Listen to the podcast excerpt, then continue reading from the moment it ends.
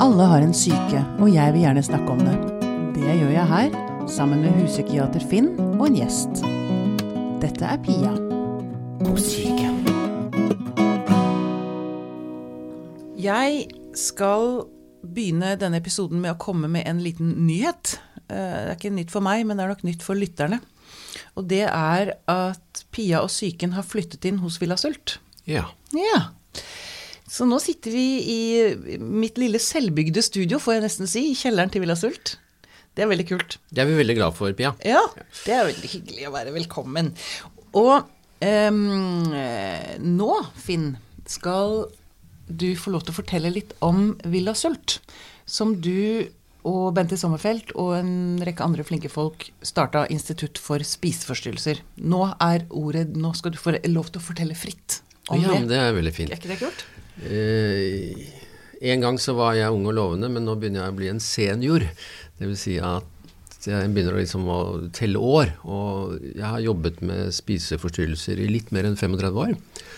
Eh, og så dukket det opp en mulighet for noen år siden hvor noen sier har du ikke lyst til å lage det du selv har mest tro på? Og så nølte jeg en del år, og så har Bente Sommerfelt og vi andre begynt å realisere dette. Og vi blir fem år i løpet av 2019.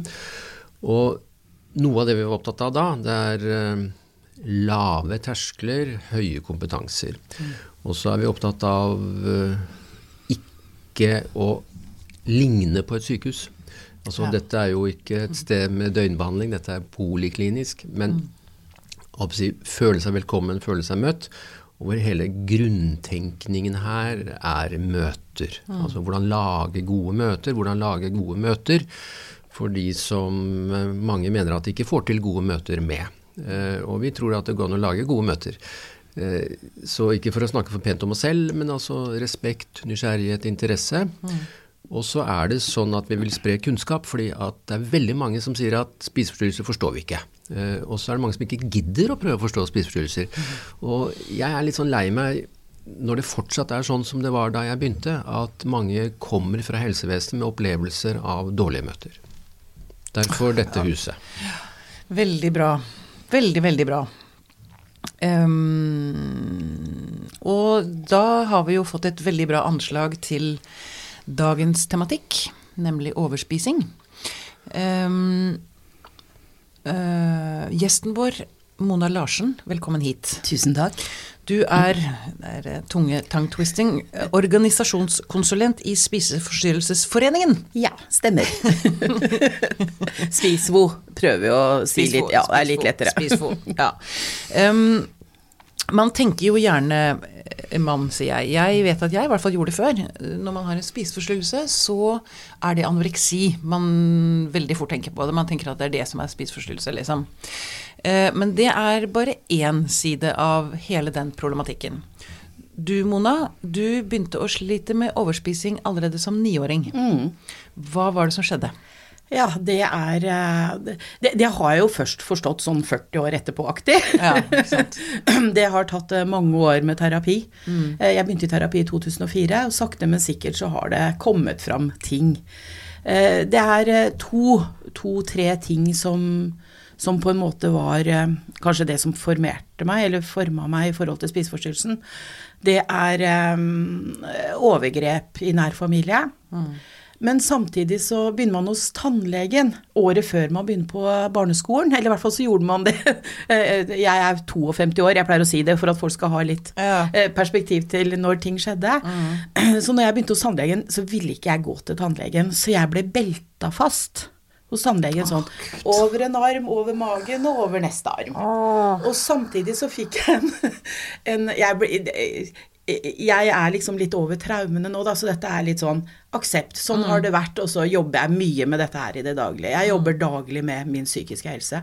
Og samtidig så fikk jeg en sånn De kaller det en metallfinger inn i munnen for at ikke jeg skulle bite av fingrene på tannlegen.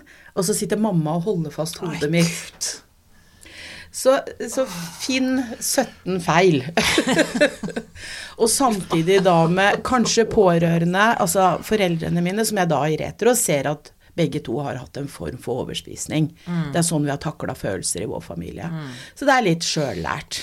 Altså det, dette kom fra dette, Det er miljø, vil jeg kalle det. Ja. Så det er litt mer sånn hvorfor det ikke ble sånn. Det ville vært nesten litt rart. Ja. ja. Ehm, men så var det også Du ble veid også, ble du ikke det? På Å skolen? ja, ja. Min, mine favorittmennesker i verden når jeg var eh, syv, åtte, ni, ti år, det er jo helsesøstrene. Som vi nå også snakker om i dag, at eh, veiing, det må man gjøre for å holde kontroll. Jeg og den andre tjukkasen med gåsetegn i klassen ble henta ut annenhver tirsdag fra andre til femte, sjette klasse. Og alle visste jo hvorfor. Denne da tiåringen klarte ikke å forstå hva som var feil. Og det er kanskje mye for meg er veldig viktig, da, er å forstå hvordan forklare et barn forskjellen på psykisk og fysisk helse. For det de gjorde da, var at de, altså, familien var jo overvektig. Så man skulle jo passe på det. Men denne tiåringen, syv til tiåringen, ble bare feil. Og jeg vil si det at jeg er 52 år, og jeg er fremdeles feil. Det er sånn jeg opplever livet mitt, liksom. Og, og det Og samtidig så ble jeg sendt til en dietiker på Ahus. For, jeg, eller, for jeg, jeg er fra Fettsund. Så vi, jeg ble sendt dit som i samme emminga, for at jeg skulle også veies og lære de riktige tingene. Mamma var med meg. Hun satt bare og hørte på. Så det de hele tiden gjorde, var å få denne tiåringen, eller dette barnet, til å lære hvor feil det var. Hvor, ja, hvor feil Ja, Du, lille barn, er feil. Ja, ja, ikke det at du spiser feil, eller kroppen Nei. din får problemer hvis som at det, dersom at det. Så, så dette sammensuriet av en barndom når det gjelder kropp og psykisk helse, det er blitt meg i dag. Ja. um, Finn, vi har jo snakket om anoreksi før. Ehm, eh, ja, jeg vet jeg, nå er jeg, jeg, ble, jeg ble så berørt at jeg sliter litt med å finne ordene nå. Ehm, det er en måte å kontrollere følelsene på. Maten. eh, eller Ja. Ja, altså Det er jo det Mona begynner å si noe om, og kan si mye mer om. Eh, men den er jo veldig logisk, på en måte. Altså, du blander korta. Eh, Du trenger noe, og så får du det ikke, og så tar du noe annet. Eh, Som, du, blander, eh, du trenger noe Du du trenger trenger, f.eks. trygghet og omsorg og aksept, og så isteden så blir det søte kaker. Altså, det er ganske logisk. Ja, når Eh, du ikke får omsorgen, så Vi har jo et begrep som vi bruker hele tiden, trøstespising f.eks. Mm, Fordi det er en belønning i det. Mm. Men så er det nettopp at uh, dimensjonen er ute av kontroll. Ja. Eh, jeg syns dette er veldig viktig å snakke om, eh, av mange grunner. Eh, også fordi at dette har ikke vært anerkjent som et skal vi si, et medisinsk psykisk Jo, medisinsk har vært anerkjent. Altså overvekt. Det pøses masser av millioner til overvektsbehandling, hva vi kaller det i Norge. Fedme. Fedme. Det har vi fokus på, ja. Ja, eh, men jeg håper å si at dette er også en psykisk tilstand. Det er virkelig underkommunisert. eh, Slik at her er det en stor gruppe mennesker som ikke blir forstått. Eh, Jeg hørte meg selv si her en dag, jeg mente ikke, mente ikke å si det, men jeg sa det. De blir avspist, sa jeg, med manglende nysgjerrighet. Ja. Jo det bare kom. Eh, manglende interesse, eh, og bli putta i en sekk og si bør ikke du sykle mer? Eh, og vi vet ganske mye om dette. F.eks. ca. 30% av de som er sånn repeterende deltakere på slankekurs, type Fedon, type Grete Rode osv., vil nok kvalifisere for det vi ofte kaller den tredje spiseforstyrrelsen, overspisingslidelse. Det er den tre, tredje. Ja, altså Hvis vi forholder oss til voksne, så sier vi anoreksi. Eh, diagnostisert i 1872. Bulimi, diagnostisert, altså offisiell diagnose i 1979. eh, overspisingslidelse, eh, amerikansk. Binge eating disorder, formelt en diagnose i 1994. I Europa, Verdens helseorganisasjon, i år. Så nå har vi Oi! fått en diagnose. Eh, Det blir spennende å se hva vi gjør med det. Ja. Det betyr at om noen år så vil en del mennesker ha behandlingsrettigheter. Jeg har krav på behandling, da må vi lage et eh, behandlingstilbud. Og det er tynt i dag. Det er veldig dårlig i dag. Ja. Ok. eh, Mona, Um, jeg, um, jeg, altså dette med mat og følelser og ikke sant, Man kan jo kontrollere følelsene sine med å ikke spise, eller ved å spise for mye. Ja. Um, er det mer fordommer mot overspising enn mot underspising? Ja, definitivt ja. Mm. Og så tenker jeg at vi som er, har overvekten i tillegg, har de selv også. Og det er kanskje nesten uh, det, det, Dere har også ja, fordommene? Ja, for jeg vet at altså, som, som, Finn sier, jeg går til legen, spis mindre, tren mer. Mm. Altså, jeg vet hvilken tomat som er lurest å spise som det er mist karbohydrater i. For at jeg er så skrudd i huet, ikke sant. Mm. Og, og, og, og, så er det sånn du kommer til leger som du sier Det er veldig få leger som forstår overspisning, eller spiseforstyrrelser generelt. Det er mye lettere å forholde seg til en anorektiker på, med BMI på 17 ikke sant? Mm. til enn en som er 150 kilo og det stemmer ikke med BMI-en, ikke sant. Mm. Og, og, da er det og trening, og det var en periode vi hadde grønn resept som jeg fikk av legen. Da mm. skrev hun 'dette må du gjøre, og dette er lurt', og så fikk jeg med meg den lappen hjem. Mm. Hallo. Altså, jeg har ikke hatt kontroll på spisinga siden jeg var ni-ti år. Kanskje til og med før. Men det er det jeg kan huske. Ja. Og, så den lappen ble var bare Ja, nei, den Hallo. Jeg tror den ble liggende i veska, at den ble så krøllete at jeg kasta den, liksom. Ja. Mm. Og, det, og, det, er så mye gode Og vi leser jo hele tiden sånn uh, Det er ikke så mange dager siden jeg leste 'Sånn går du ned i vekt varig'. Og dette sier vi fremdeles i dag. Mm. Når vi vet også hvor mange Altså, det tok Uh, mange, det er bare kanskje fire-fem år siden jeg spurte psykologen min, som jeg starta med i 2004, tror du jeg har en spiseforstyrrelse. Og da sier hun bare ja, det har du. Ja, Men da har jeg gått i så mange år for å bli behandla for hvorfor spiseforstyrrelsen, kanskje. I stedet for sjølve spiseforstyrrelsen. Mm. Og det har vært veldig fint for meg å bli behandla for traumene mine, da. Uh, I stedet for å gå rett i Spis mindre, tren mer, dette er riktig, gå til en klinisk ernæringsterapeut. Mm. Eh, gjør det. Fordi at min, Ta tak i kjernen, kjernen til problemet. Mm. Og det tror jeg ikke overvektige blir tatt på alvor. Mm. Fordi at man har så mye gode løsninger. Og hvordan skal man snakke med dag, folk med fedme i dag? Ja. Fastlegen er jo livredd. Mm. For å si, til og med en lege det er noen år siden Jeg ser store altså De ble så store, de overskriftene hvor det står Jeg vet ikke hvordan jeg Eller jeg er redd for å snakke med, med folk som har fedme. Ja. ja. men spør hvordan de har det, da. Ja. Hvordan de egentlig har det. Men da, og da er mitt neste spørsmål hvordan og det, det, går til dere begge. Hva skal en lege eller en hjelper der ute Hvordan er den beste måten? Hvordan vil du bli møtt, Mona? Hva, hva, hvis jeg var lege, hva, skulle jeg, hva, skulle jeg, sagt til deg hvis du var 20 år yngre, da? Ja. Jeg ville For det første så kommer jeg til legen med hodepine eller et brukket bein eller mm. noen andre trøbler, og så ville jeg blitt behandla for det. Mm. For vi kommer jo faktisk til legen med en uh, negl som har gått ut, og så skal de snakke om fedme. Okay. Ja, fordi at det ser de først. Ja. Og det er kanskje punkt én, da. Mm. Behandle, oss det, behandle, oss for den sykdommen vi faktisk er der for. Mm.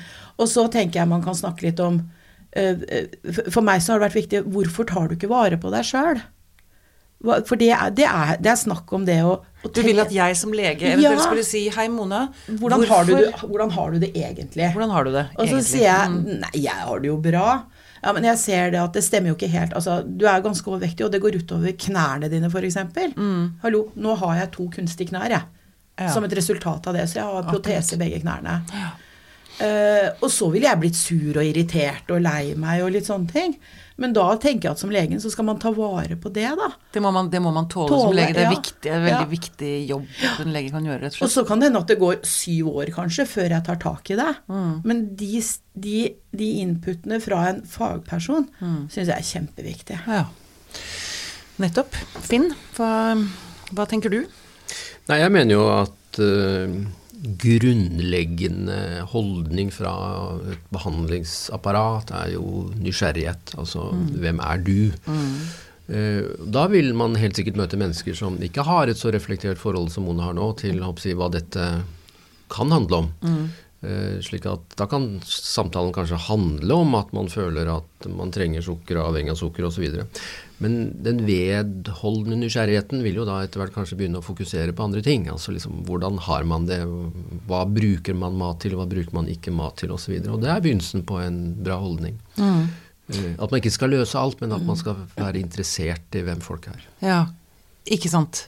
For jeg tenker jo dette er jo ikke Altså jeg som da diagnostiserte bipolar, eh, jeg tenker jo ofte at man er jo mye mer opptatt av å bare liksom få satt en merkelapp, og så ferdig. Med, ta den medisinen, gå ned i vekt. Eh, så er du Da slipper vi opp Da er ikke du noe problem lenger, liksom.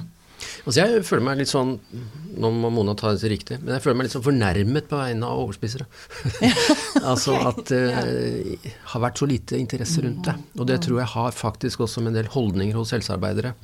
Altså at uh, dette med overvekt og jeg, at det blir sett dårlig på, ja. gjør at folk ikke har vært interessert i tilstanden. Det mm. finnes jo tusen grunner til at folk overspiser. Mm. Det kan være jeg, en familiær kultur som du sa, sånn har vi løst det. Mm. Det kan være overgrepshistorier, det kan mm. være omsorgssvikt. Mm. Det kan være at dette er tredje stadium i en spiseforstyrrelse hvor man som 12-åring var anorektisk, og 19-åring var bulimisk, og 27-åring begynner å overspise for man ikke orker å kaste opp lenger. Altså det er tusen grunner. Ja. Så vi må ikke tro at vi har greie på dette. Vi må bare bli interessert i å si hva er din historie. Og folk gjør det veldig forskjellig. Noen overspiser eh, med si, store måltider, mens andre småspiser døgnet rundt. Mm. Noen spiser primært om natta. Og jeg husker jeg hadde en pasient en gang som sa at uh, jeg spiser mye, unntatt under måltiden. Jeg slanker meg tross alt, sa hun. Altså Hun skippet måltidene, så da sa hun 'jeg beiter', sa hun. og, men altså, finne ut hva folk gjør, hva de tenker om det, og hva de tror, hva slags funksjon dette har. da. Ja, Og ikke minst snakke med Mona og andre som eh, Altså høre hva er det hva, hva, trenger du for å komme dit du vil? Være i livet ditt, egentlig? Absolutt, altså. Og jeg har lyst til å si For jeg er, jeg er en som spiser hele tiden. Mm. Uh, og jeg, men jeg har lurt litt på hvorfor jeg gjør det. For jeg spiser ikke sånn enorme mengder, men jeg spiser jo altfor mye. for jeg, vil jo, jeg spiser jo heller ikke store måltider sammen med andre. Mm. Det tør man jo ikke. Der har man en begrensning, tross alt på grunn av andre. Men, men, uh, men, men jeg må småspise fordi at jeg må ha plass til angsten min når den kommer. Hvis den kommer. Du må ha plass? Ja, fordi at jeg må selvmedisinere meg hvis angsten kommer. Så jeg må passe på å ha plass i magen til å spise meg ubehagelig mett hvis jeg blir veldig redd. Ah, hvis du blir veldig redd, så er din, din, medisin er å spise deg kjempemett? Ja. For da blir du mindre redd? Da, da blir du trygg? Jeg meg ned, ja. Nettopp. Akkurat. Jeg pleier egentlig å si når jeg er ute og snakker om det, så det kunne like gjerne vært heroin. Ja, ikke sant. Dette her er Jeg blir like Jeg klikker like mye vinkel. men kanskje ikke blir så syk, men ja. For jeg husker og Dere får arrestere meg hvis jeg er på jorda her, men jeg husker jeg snakket med en venninne av meg for noen år siden som sleit med overvekt, og jeg sleit med undervekt. Og så sa jeg til henne at for meg Jeg opplevde det litt som at eh, jeg prøvde å forsvinne, mens hun prøvde å beskytte seg. Mm.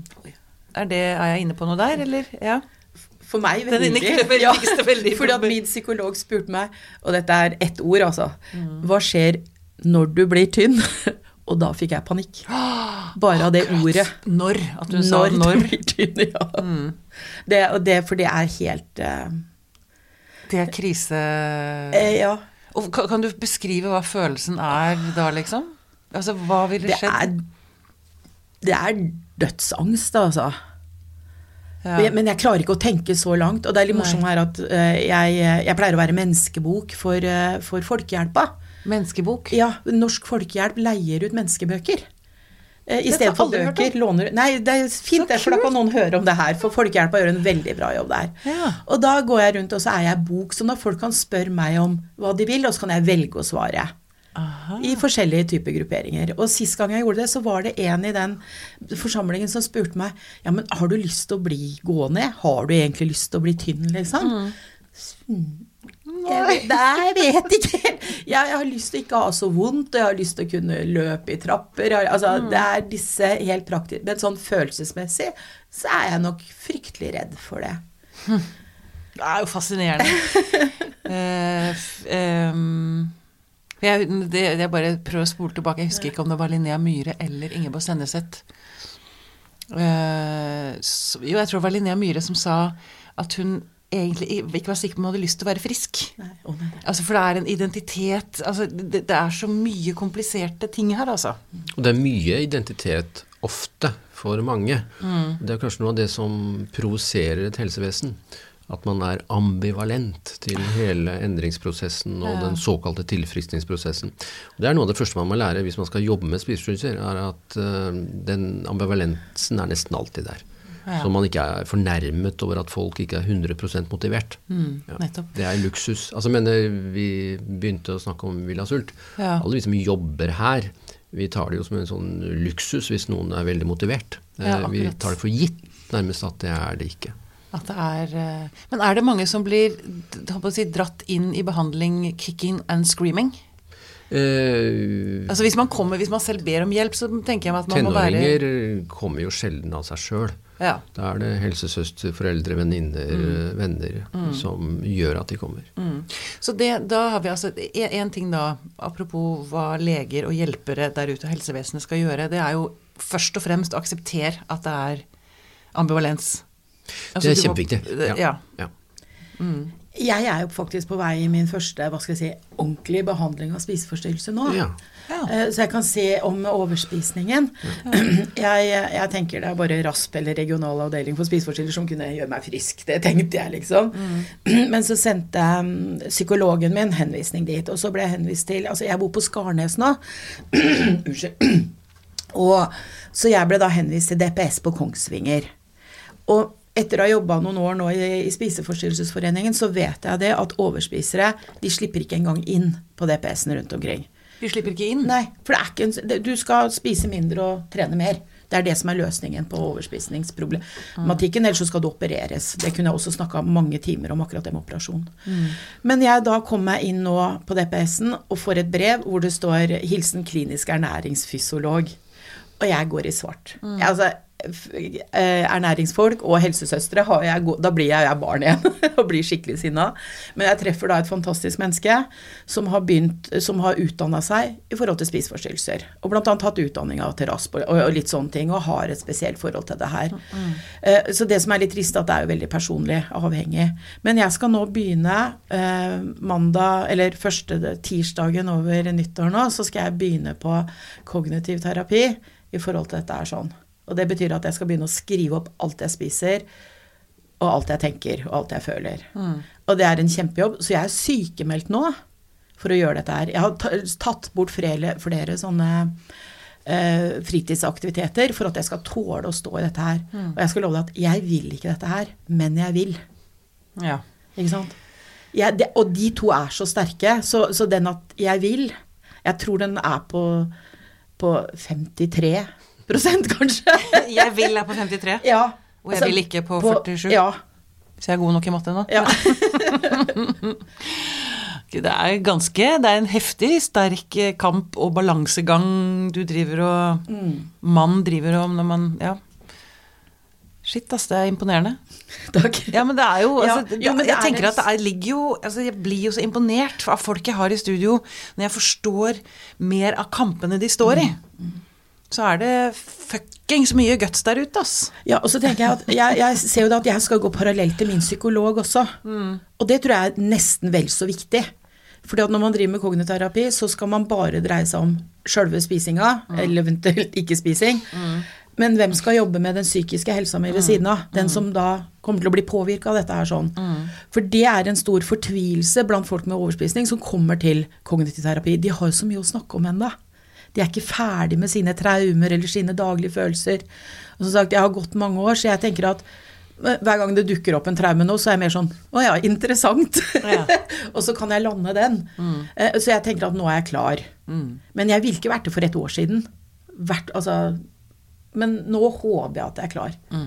Men det, så- det er mye jobbing. Det er nesten hvert tiende minutt gjennom døgnet så er, er jeg innom problematikken min, altså. Hvert tiende minutt. Minst. Altså noen ganger hele tiden. Ja. Um, Ja, Finn, eh, igjen, altså jeg, det, det er, det jeg må jo si at jeg, jeg føler meg så heldig som får lov til å ha denne jobben. Så for jeg kommer jo, jeg får jo vite så ut, det er, så, det er jo så spennende å få lov til å slippe inn bak eh, Inn i menneskesinnet. Det er mye Det er eh, så komplekst og så, så uendelig fascinerende, tenker jeg. Eh, det, den tanken har vel kanskje slått deg òg, at det er egentlig en, det er en ganske stor rikdom når du sitter og får ta del i et menneskes indre liv. Jeg er jo opptatt av å tenke på mitt arbeid som møter. Altså mm. ikke at jeg er en fikser, men at, jeg, at vi gjør ting sammen. Mm. Og jeg tenker at jeg har et ekstremt spennende faglig liv. Mm. Altså jeg blir spurt i det neste livet, hvis du skulle velge om igjen og velge noe annet, hva ville du velge da? Da sier jeg at da velger jeg det samme. Ja. Ja. Eh, det er veldig belønnende. Eh. Jeg har jobbet med veldig mange smertefulle ting. Jeg gjør det egentlig hver eneste dag. Mm. Altså, folk har det forferdelig, det er forferdelige historier, det er selvmordsrisiko, eh, mm. liv går i stykker. Aldri tvil på mening Nei. med jobben min. Så det er et privilegium. Ja. Mm. Nettopp. Det er, um, det er veldig sterkt å høre, Mona. Uh, er det noe du, du eller dere har lyst til å føye til, som dere har brent inne med? Ja, jeg, jeg, jeg, tenker jo litt sånn automatisk på menn. Nå er jeg veldig sjølopptatt. Men når det gjelder overspisning, ja. så er det utrolig mange menn som sliter, som ikke vet at de sliter. De kommer litt sånn bort til oss og klapper seg i magen sier 'jeg er bare glad i mat'. Ja. Uh, og så har de aldri tenkt noe så mer over det. Mm. Og, og, igjen, når det gjelder spiseforstyrrelser, så er det større Eller skammen er der i alle bauger og kanter, men for menn så er nok det en egen, en egen greie. Ekstra altså. Ja. Mm. Og jeg snakker av merkelige grunner. Det hender jeg må ta noe taxi og sånn, og det er slår ikke feil, altså. Taximenn de sliter med overspisning. For de spør hvor jeg jobber, og så sier jeg det, og da blir jeg oh, ja. så, så, når det går eh, buss for taxi fra Skarnes til Oslo, og jeg kjører en sånn scooter mm. eh, når jeg skal ta toget, så må jeg ta en taxi, og da blir det en times eh, personlig samtale. Jeg pleier å skrive det opp som en samtale når jeg kommer på jobb, ja. hvor, eh, hvor, menn virkelig forteller og tør å bli personlige, da, når vi sitter inne i den bilen, og jeg sitter helt bak, og vi ikke får noe blikkontakt og sånn, mm. da kommer det, og de forteller hvordan de sliter med mat, altså. Mm. Og, Der er det mye stigma. Eh, det, gjelder kanskje ja, menn og psyken generelt. Ja da, ja da. Vi kan bare gi litt honnør til eh, si, den bevegelsen, eller de bevegelser som Mona da representerer. Mm. Altså selvhjelpsorganisasjonen, og i dette tilfellet SpisFo, som før het Interessegruppa for kvinner med spiseforstyrrelser, som er ca. 30 år, litt mer enn det. Mm. Mm. Fordi at de har jo stått frem og løftet frem eh, overspising hele tiden. Eh, ja. Og i opprinnelsen så kalte dere det for tvangsspising. Nå kalles det overspising. Mm. Eh, de har stått for det, mens helsevesenet ikke har stått for det, fordi det ikke har vært en formell diagnose. Noe av det som da kommer frem, er jo kjønn. ikke sant? Ja. Det er fortsatt sånn anoreksi 90-10, bulimi stort sett 90-10, altså kvinner versus menn. Det gjelder ikke overspising. Der er mennene. Der er det helt andre forholdstall. Akkurat. Store kilden sånn kunnskapsmessig, det er mye forskning eh, fra USA, bl.a.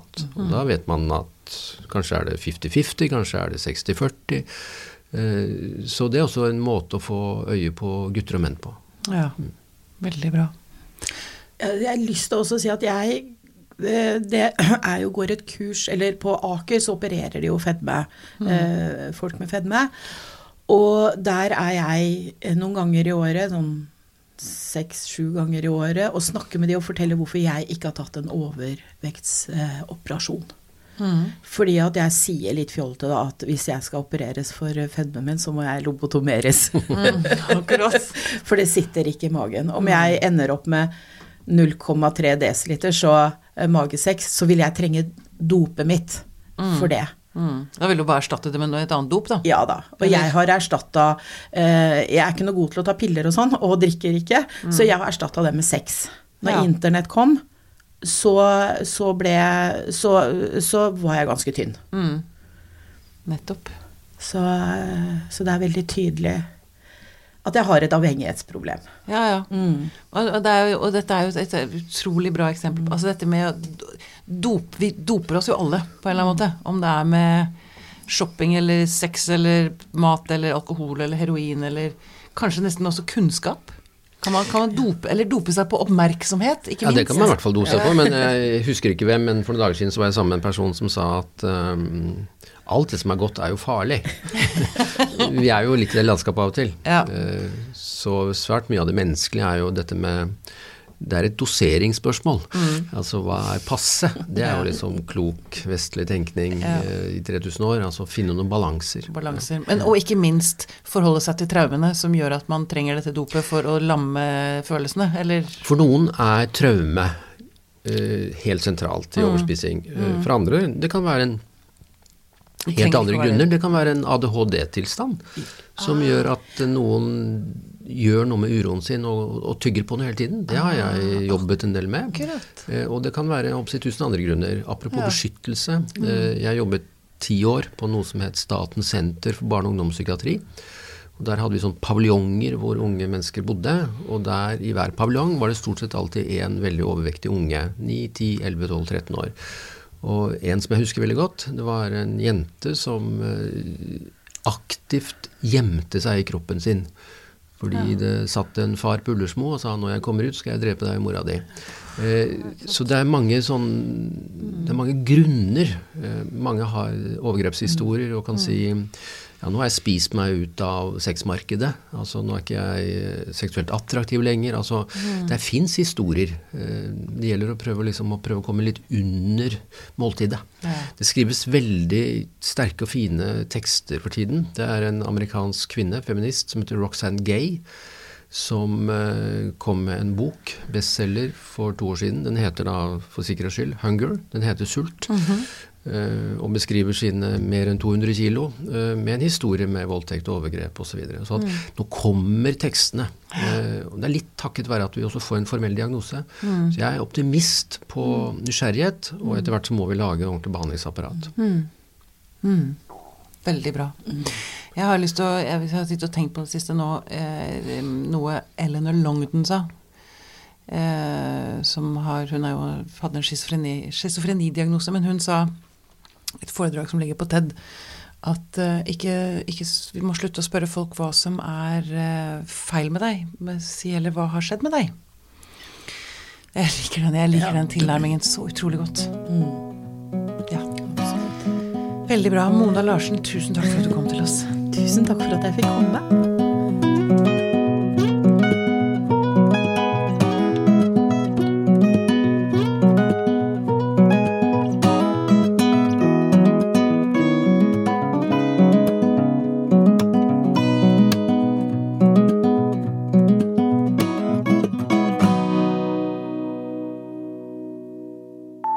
Denne Podkasten er produsert av Tid og Lyst. Med støtte fra Ekkos legat.